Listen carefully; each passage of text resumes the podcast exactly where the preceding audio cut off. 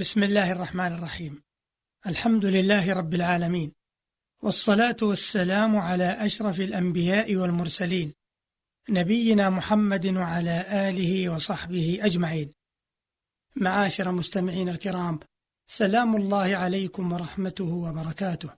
أما بعد فقد كان الحديث في الحلقة الماضية يدور حول التنويه بشأن العربية كما جاء في كتاب الله تبارك وتعالى وكما جاء على ألسنة علماء السلف. والحديث في هذه الحلقة ذكر لبعض ما جاء على ألسنة الشعراء في الثناء على اللغة العربية. والحديث ها هنا سيبدأ بأبيات من قصيدة مشهورة تكاد تكون أشهر ما قيل في اللغة العربية ألا وهي قصيدة حافظ إبراهيم عليه رحمة الله حيث يقول رجعت لنفسي فاتهمت حصاتي وناديت قومي فاحتسبت حياتي رموني بعقم في الشباب وليتني. عقمت فلم أجزع لقول عداتي. وسعت كتاب الله لفظا وغاية. وما ضقت عن آي به وعظاتي. فكيف أضيق اليوم عن وصف آلة وتنسيق أسماء لمخترعاتي؟ أنا البحر في أحشائه الدر كامن. فهل سألوا الغواص عن صدفاتي؟ فيا ويحكم أبلى وتبلى محاسني ومنكم وإن عز الدواء أساتي. فلا تكلوني للزمان فإنني أخاف عليكم أن تحين وفاتي. أرى لرجال الغرب عزا ومنعة وكم عز أقوام بعز لغاتي. أتوا أهلهم بالمعجزات تفننا فيا ليتكم تأتون بالكلمات. أيطربكم من جانب الغرب ناعب ينادي بوأدي في ربيع حياتي. ولو تزجرون الطير يوما علمتم بما تحته من عثرة وشتات. سقى الله في بطن الجزيرة أعظما. يعز عليها أن تلين قناتي. حفظن ودادي في البلا وحفظته. لهن بقلب دائم الحسرات. وفاخرت أهل الغرب والشرق مطرق. حياء بتلك الأعظم النخرات. أرى كل يوم بالجرائد مزلقا. من القبر يدنيني بغير أناتي.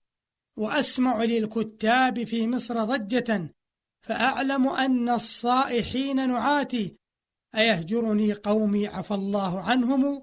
إلى لغة لم تتصل برواتي سرت لوثة الإفرنج فيها كما سرى. لعاب الأفاعي في مسيل فراتي فجاءت كثوب ضم سبعين رقعة مشكلة الألوان مختلفات. إلى معشر الكتاب والجمع حافل بسطت رجائي بعد بسط شكاتي. فإما حياة تبعث الميت في البلا وتنبت في تلك الرموس رفاتي. وإما ممات لا قيامة بعده ممات لعمري لم يقس بمماتي. ولعلامة العراق الشيخ محمد بهجة الأثري رحمه الله قصائد عذاب في العربية ضمنها ديوانه المسمى ديوان الأثري ومنها قصيدة له عنوانها سيدة اللغات تقع في خمسة وثلاثين بيتا ومنها قوله سلام على أم اللغات على المدى سلام أخيذ بالجمال هيومي مشوق إلى الجرس الرقيق ومفصح من اللفظ منسوق البيان رخيم. تراقص مفتر المباسم حرفه كما هز عطف الزهر روح نسيم. إذا قلت در قلت بعض صفائها صفاء مضيء الصفحتين يتيم. إذا قلت سحر قلت فاق استراقه منافث سحر في الملاح صميم. دع السحر من سود العيون تروده. ورم سحر لفظ بالحياة زعيم أأم لغات العالمين بلاغة وطيب مذاق واختلاف طعوم بيانك أماء من الخلد كوثر. ترقرق عذبا أم رحيق كروم تجاوز أعناق الدهور وحسنه. يزيد على الأيام حسن رسوم سقى كل لماح البيان زلاله. مصفا وروى طبع كل حكيم. تنزل قرآن بها ما تلوته صحوت على معنى أغر عظيم. تكرم بالوحي الأمين مبينه وعز بمعطاء الحياة كريم. تملأ منه بالرواء محمد وآتى به الدنيا أريج شميم. سرى يفغم الآفاق مسكا وعنبرا ويحيي من الأرواح كل رميم.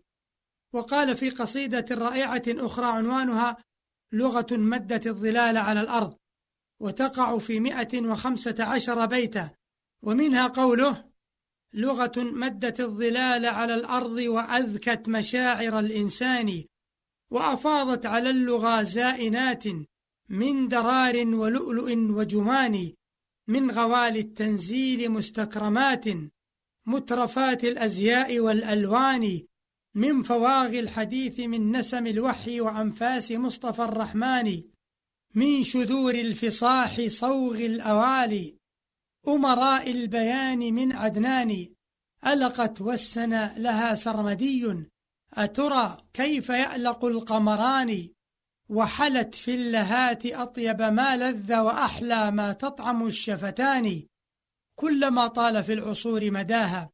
عظمت قوة على الرديان. سار شوطا بنحوها سيبويه وارتقى بالبلاغة الجرجان. وعلى ألف ألف فذ همام ثاقب الفكر المعي هجان. قد جلوها عرائسا فاتنات يتخايلن في الحبير اليماني أين مني عد النجوم وأن يدرك اللمح كل قاص وداني إلى آخر ما قاله علامة العراق الشيخ محمد بهجة الأثري رحمه الله. وللحديث صلة في الحلقة القادمة إن شاء الله. والسلام عليكم ورحمة الله وبركاته.